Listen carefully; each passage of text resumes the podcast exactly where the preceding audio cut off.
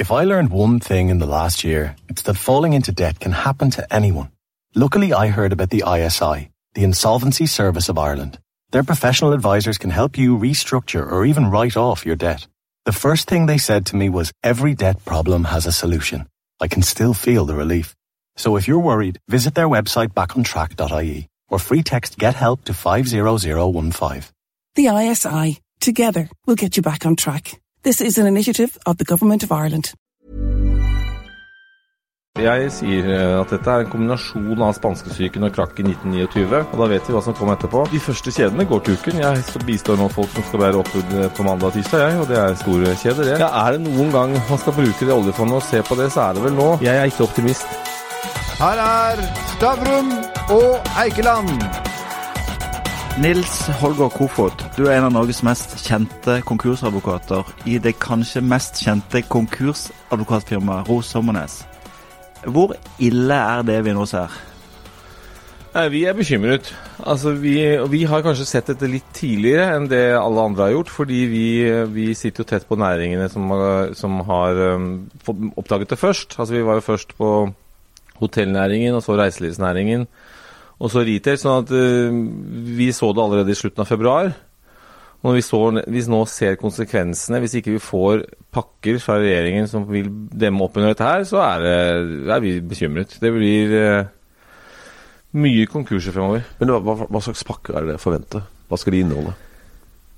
Nei, én ting Altså de, Nå må jeg innrømme at jeg, etter å ha sett Danmark og de pakkene de kommer med, så må man tenke litt på nytt igjen. fordi der har de jo også skjønt at det er viktig med sysselsetting. Så istedenfor å, å fokusere på permittering, så har de fokusert på å gi, å gi, gi støtte til bedriftene, sånn at de kan fortsette å ha dem ansatte og betale lønn. Og Det tror jeg hadde vært mye bedre, både for psyken, men også for alt. Så den burde vi ha gjort. Det, det jeg vet ikke om det kanskje er for sent allerede nå i Norge, men den burde ha vært der. Men i tillegg så må de nå de må raskt enten kreditere skjetteterminmomsen, slik at man får likviditet til å drive videre på den. Og nå skjønner jeg at de utsetter momsen fremover, og de utsetter arbeidsavgiften, men det, det, må man se nøye på, slik at man hjelper med likviditet til bedriftene. Men i tillegg, så igjen da, for å snakke om Danmark, så er jo de, um, de imponerende. De, jo, de, har jo både underskuddsdekning, slik at hvis de bedriftene som har tapt 30% av omsetningen sin nå, de vil få underskuddsdekning gitt visse kriterier. Og i tillegg til det, de mest utsatte næringene, som hotell og flyselskap, de skal faktisk få dekket kostnadene sine. Hvis vi begynner litt sånn overordna. Altså den, den, økonomiske krisen vi har nå, den er jo på en måte en politisk bestemt krise. Det er en følge av de tiltakene vi har gjort mot koronahelse. Uh, og for å begynne med ett poeng. Du sier da at i Norge så får jo bedriftene nærmest dekket kostnadene for å sende folk hjem og ut i permittering. Så et alternativt forslag kunne vært at du fikk de samme pengene, men at folk faktisk fikk jobbe? Ja. Og hvorfor vil det være bedre?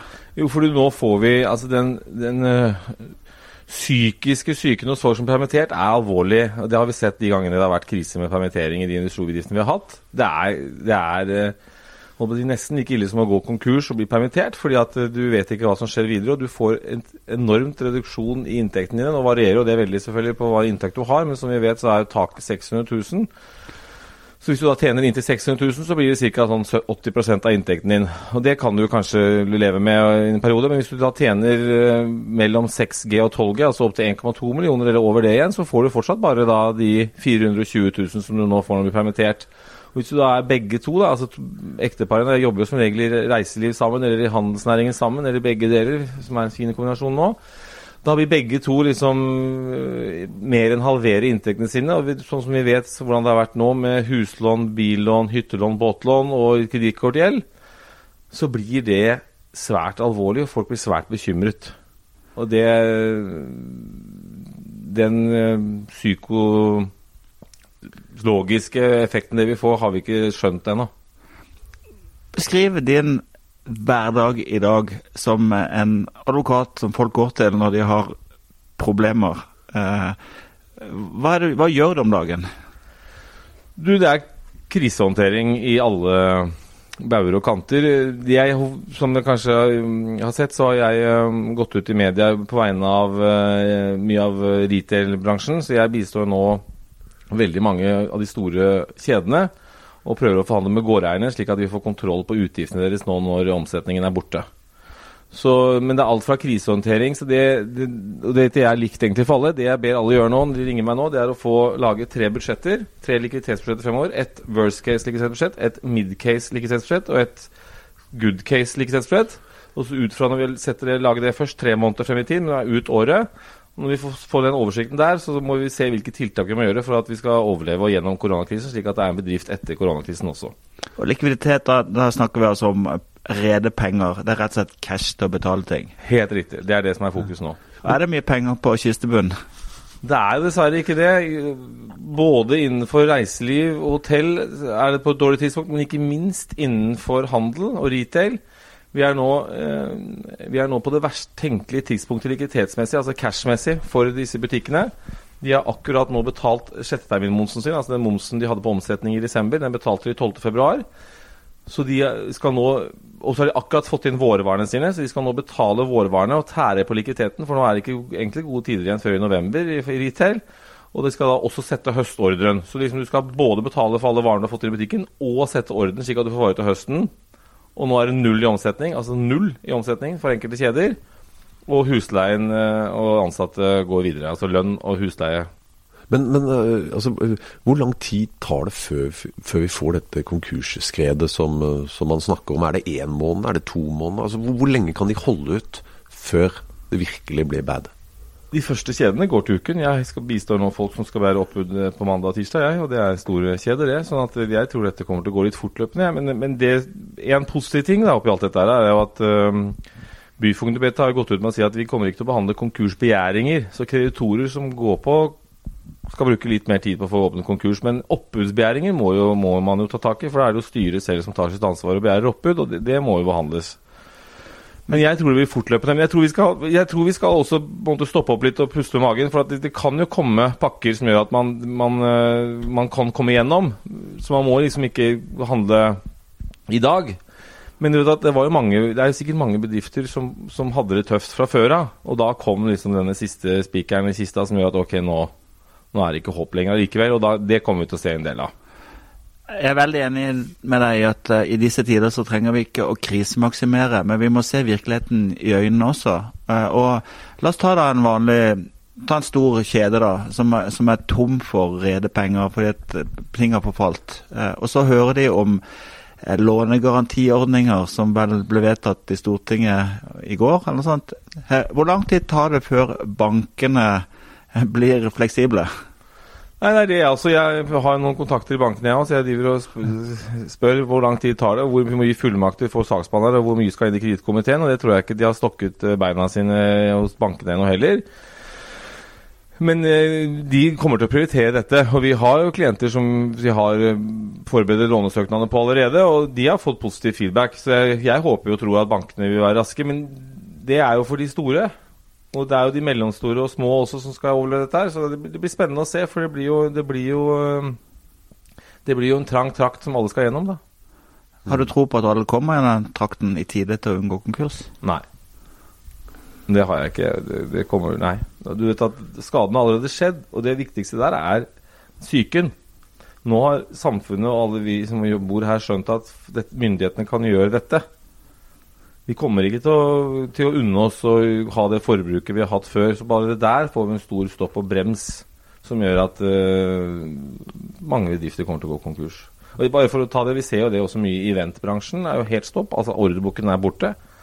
Vi har det i reklamebransjen. Konsulentbransjen, som har vært da servicenæringer til hotell og reiseliv og, og retail. Det er stopp. En god tid for konkursadvokater? Det er det. Det er det. Men hvis vi, hvis vi, fortsatt holder oss i, i, i, alvorets verden altså, Det har jo vært det er jo fra tid til annen finanskrise, altså kriser på en måte, måte, som ikke er fundamentale for samfunnet. Men for oss som har levd en stund, så syns jeg dette minner mest om den bankkrisen vi hadde på slutten av 80-tallet, hvor ting bare, hvor bare bunnen falt ut av alle markeder. Eh, og det fikk jo mange års konsekvens. Er du enig i en sånn sammenligning? Ja, altså jeg, jeg, sier eh, at dette er en kombinasjon av spanskesyken og krakk i 1929. Og da vet vi hva som kom etterpå. De harde 30-åra. Og i dag så, så, ser jeg at nå er vi jo på arbeidsledighetsnivå på 30-årene. Jeg, jeg, jeg, tror det kommer til å bli doblet uke for uke nå, og nå er vi 5% så jeg mener at tenker at det blir 10 i slutten av neste uke. Men, men, men det er jo litt forskjell òg, da. Altså jeg tenker sånn at eh, de, de tingene jeg snakka om, det var jo ofte det jo skapt av markedet. Eh, Det som har skjedd altså norsk økonomi før dette, det var jo Altså det gikk jo egentlig OK i, i Norge fram til, til nå. altså eh, Og så plutselig så bare Sier ikke jeg at det er bare politikerne som har satt inn noe i gang, for de har, de har gjort det nå i Norge. Men det er klart at internasjonalt så, så, så skjer det jo ting. Men, men altså, hvis vi klarer å komme tilbake til hektene, iallfall med innenlandsøkonomien relativt raskt, så bør dette her kunne reddes til korona. Skulle jeg tro. Jeg håper det, men du vet at vi har fått norske lire. Sånn at det blir ikke så Alt blir jo dyrt for oss å kjøpe inn. Det blir bra for eksportnæringene. Og kanskje det blir bra for turismen etter hvert, da, hvis folk begynner å tørre å fly igjen. Men det er mye vi skal rette opp igjen nå, altså. Så jeg, jeg, jeg er bekymret, selv om mm, Jeg er ikke optimist. Altså, hvis du hadde vært finansminister nå, og du hadde hatt et, gigantisk oljefond, det hadde du jo, hva, hva hadde du gjort for å unngå at dette ble så ille som det kan bli? Ja, er det noen gang man skal bruke det oljefondet og se på det, så er det vel nå. Men, skal, men jeg ville satt meg ned med samfunnsøkonomiene mine og regnet på det, og sett på faktisk de tiltakene som er gjort i Danmark. Hvor du får underskuddsdekning, og du får, øh, og du får dekket kostnadene dine. Altså, vi, vi bistår jo kjeder som også driver i Danmark, øh, også innenfor flyindustrien. Og det er klart at vi, vi pustet lettet ut mer i går kveld da den pakken kom. For det gjøre det enklere å få, det flyselskapet til å overleve med den pakken der. Og det, det gjelder jo også da for eh, retail. Hvis retailbransjen i Norge hadde fått enten kostnadsdekning eller underskuddsdekning nå disse tre månedene vi er inne i nå, så hadde det, det, hadde, hadde, da hadde man kunnet puste ut. Da hadde jeg hatt troen på at dette skulle vi få til. Og da tenker du, altså, da tenker du handel, handlekjeder innenfor alle varegrupper, eller når du bruker den? Ja, innenfor alle varegrupper. Alt fra klær og sport og smykker og ja, ja hele, hele bildet. Bortsett fra selvfølgelig dagligvare og Vinmonopolet. De trenger jo ikke noe støtte nå. Men uh, det viktigste nå er vel egentlig å sørge for at bedrifter som egentlig har livets rett, men som akkurat nå uh, står på kanten av stupet, faktisk uh, ikke tar rett skritt fram og inn i avgrunnen. Det er det, jeg er helt enig med deg, men det tror jeg bankene kommer til å gjøre. Men du vet at det blir jo tøffest for bankene, for det er bankene som må ta den vurderingen. Og det, så det, det er de som kommer til å bestemme hvem som skal leve og hvem som ikke skal, i forhold til om de gir likviditetslån de trenger. Så da må vi få klare kriterier, slik at det ikke blir så mye skjønn rundt det. Men, så, men som bankene også sier, de må jo være levedyktige etterpå også. Men hvem skal vurdere levedyktig etterpå nå, Hvor lang tid tar dette her? Nei, og litt sånn var det jo under den første bankkrisen. Altså, Hva var Oslo City verd eh, når ingen ville gi noe for det? Er det verd null, eller er det verd eh, to milliarder, for det var det ti år senere? Mm. Men den gang hadde vi jo én person som kom fra utlandet med 2,5 milliard kroner i lommeboka, nemlig eh, Kjell Inge Røkke. Men akkurat nå, eh, er, er det din følelse at det står investorer klar for å kjøpe billig konkursbo? Det er noen som har penger, så det er, de har jo ringt de òg. Så noen er der, og det er noen fond som har penger, som sikkert står klare. Men det er som du sier? Denne, denne krisen har jo ført til at formuer har skiftet hender. Kortene deles ut på nytt. Så den som har cash nå, kommer jo til å sitte og vente. Men de kommer jo til å vente og vente, for de tør jo ikke når de kan begynne å investere. Men de, de som har det når vi kommer igjennom, de vil jo kunne investere. Men håper det er mange nok igjen, at, at det blir eh, aktivitet. Men jeg er bekymret for eh, transaksjonsmarkedet og alt fremover. Jeg, for folk kommer til å bli redde til å investere, for de ser hvilke konsekvenser et virus kan få. Mm. Men, men hvis du ser på uh, tilbake til konkurser, så må du jo, um, må du jo uh, se på enten altså Det er verdien i selskapet, uh, og så er det da penger i kassa. Det er de to kriteriene som uh, man ser på. Uh, er det ikke noen verdier, så er det et uh, kriterium som tikkes av. Og er det ikke penger i kassa, ok, da går du konk. Eh, Nå vil man vel se at det er en god del verdier fortsatt i selskapene, men det er jo da pengene i kassa som, som tynnes ut. Eh, Vil det påvirke at man kanskje får utsatt konkursbølgen litt? Altså at man ser igjennom, eh, siden man bare oppnår ett av kriteriene med konkurs?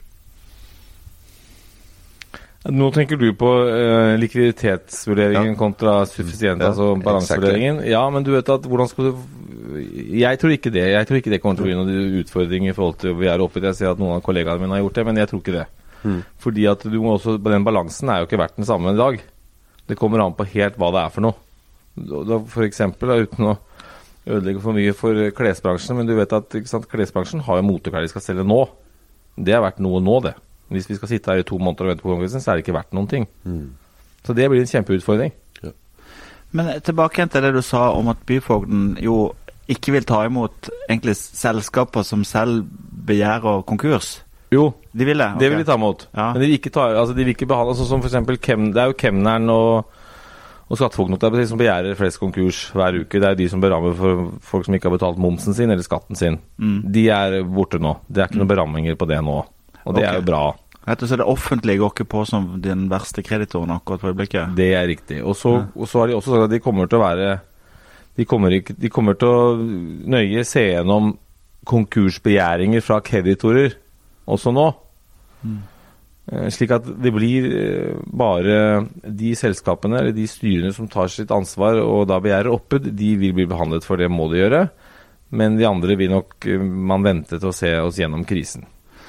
Hva skjer hvis du, hvis du tenker oss en, kjed, altså en, en verdikjede hvor du har en bank som har lånt penger til en eiendomsbesitter som har leid ut til en kjede som har en, eh, en leverandør. Eh, og så går eh, kjeden konkurs. Og så har både eh, utleier og eh, leverandør eh, pant i et eller annet. Hvor lenge går det før de får pengene?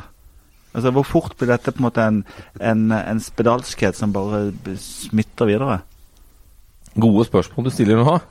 Altså Hvis du begynner med, med banken, så vil jo de gi avdragsutsettelse for eiendommen. Sånn at den der, tror jeg, der ruller vi på en ball. Det kommer ut, alle tror jeg får det ganske lett ut året i år. Så eiendomseierne de går ikke konk.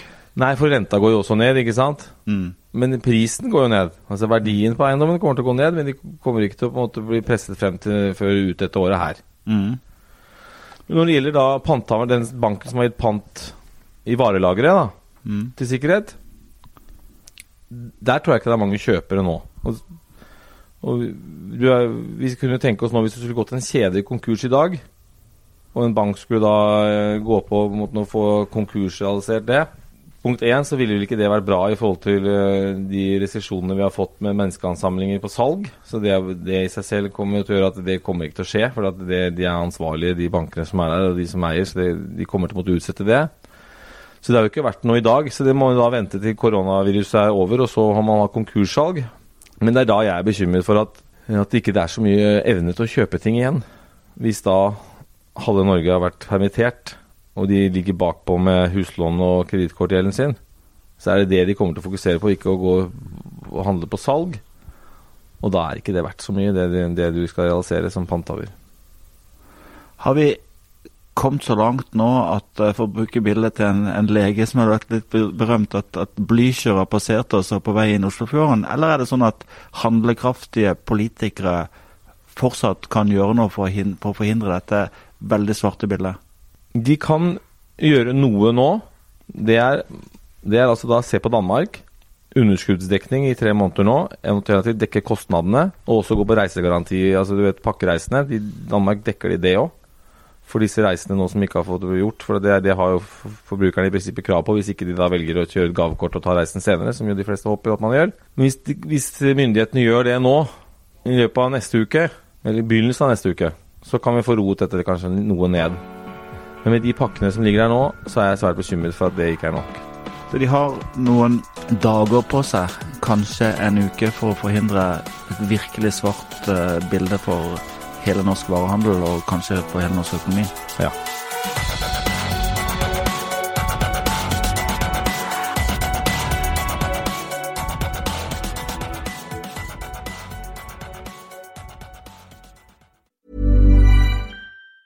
If I learned one thing in the last year, it's that falling into debt can happen to anyone. Luckily, I heard about the ISI, the Insolvency Service of Ireland. Their professional advisors can help you restructure or even write off your debt. The first thing they said to me was, every debt problem has a solution. I can still feel the relief. So if you're worried, visit their website backontrack.ie or free text get help to 50015. The ISI. Together, we'll get you back on track. This is an initiative of the Government of Ireland.